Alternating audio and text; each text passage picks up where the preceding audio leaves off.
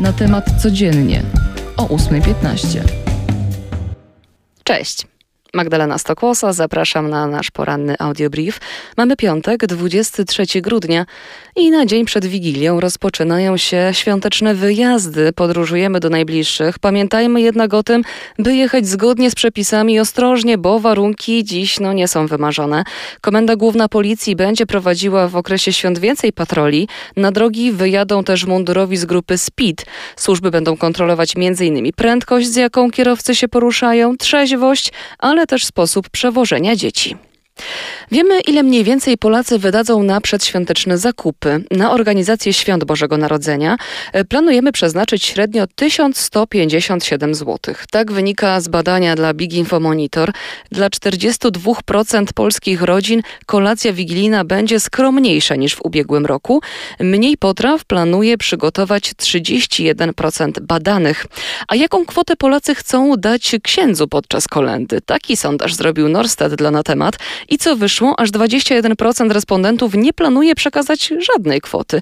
Najwięcej badanych deklaruje, że w podziękowaniu za wizytę duszpasterską przekaże od 21 do 50 zł. A szczegółowe wyniki sondażu oraz komentarze księży znajdziecie w materiale Katarzyny Zuchowicz, oczywiście na stronie głównej na temat. Okres świąt to też czas pierwszych podsumowań. Takie poczynił już prezes Polskiego Związku Piłki Nożnej i postanowił nie przedłużyć umowy selekcjonerowi reprezentacji Polski. Czesław Michniewicz będzie więc prowadził kadrę do 31 grudnia. Cezary Kulesza musi znaleźć nowego trenera, ale są już pierwsze zgłoszenia kandydatów. Oferty płyną w sumie z całego świata. Między innymi to Andrii Szewczenko, Paulo Bento, Roberto Martinez. No powinno być w czym wybierać, ale tym będzie się martwił prezes PZPN-u już w nowym roku. Wtedy też mamy poznać nazwisko selekcjonera, e, a wybrany będzie miał niespełna trzy miesiące przygotowań z piłkarzami, bo już w marcu biało-czerwoni będą walczyć o Euro 2024, a pierwszy przeciwnik będzie trudny, bo to Czechy. Ze sportu jeszcze skoki narciarskie. Trener polskiej kadry po Mistrzostwach Kraju w Wiśle postanowił, że w rozpoczynającym się 29 grudnia turnieju czterech skoczni wystąpią Dawid Kubacki, Kamil Stoch, Piotr Żyła, Paweł Wąsek, Jan Hubdas i Stefan Hula. A wczoraj Kamil Stoch obronił tytuł mistrza Polski. Drugi był Piotrek Żyła, a zwycięską trójkę zamknął Paweł Wąsek. Z powodów zdrowotnych zabrakło lidera Pucharu Świata Dawida Kubackiego.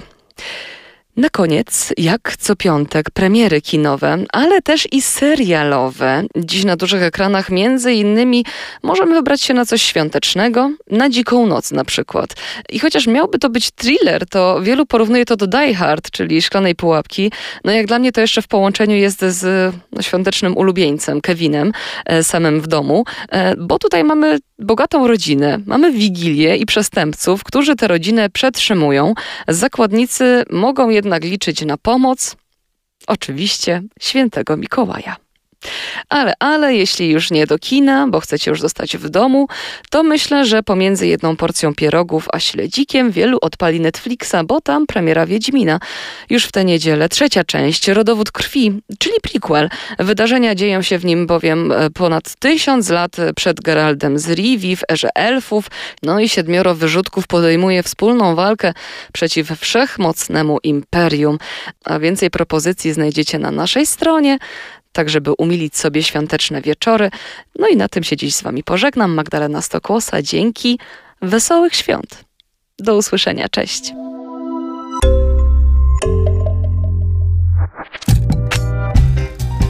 Na temat codziennie o 8.15.